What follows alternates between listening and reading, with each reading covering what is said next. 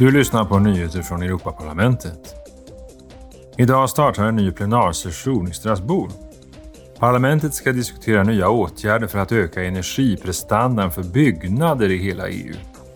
Ledamöterna vill att byggsektorn ska bli klimatneutral senast 2050. Åtgärderna ska upp till omröstning imorgon. Enligt EU-kommissionen står byggnaderna i vår union för 40 procent av vår energikonsumtion. Idag ska parlamentarikerna också debattera tre nya regler som handlar om markanvändning, EU-ländernas utsläppsminskningar och en översyn av den så kallade reserven för marknadsstabilitet som är tänkt att råda bot på dagens överskott av utsläppsrätter. De här tre nya reglerna är en del av det så kallade 55 paketet Omröstningen sker imorgon.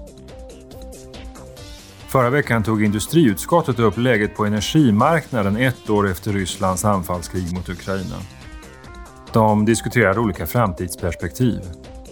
Talarna sa att även om EU lyckats spara energi och diversifiera sin energiförsörjning måste unionen nu utveckla egenproduktionen och vänja sig vid den nya energiverkligheten. Energikommissionär Kadri Simson underströk att EU håller fast vid sina klimatåtaganden.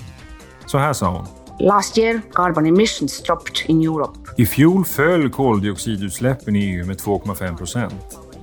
En viktig del i Repower EU var att få fart på utbyggnaden av förnybara energikällor och att byta ut gasen i elproduktion och uppvärmning.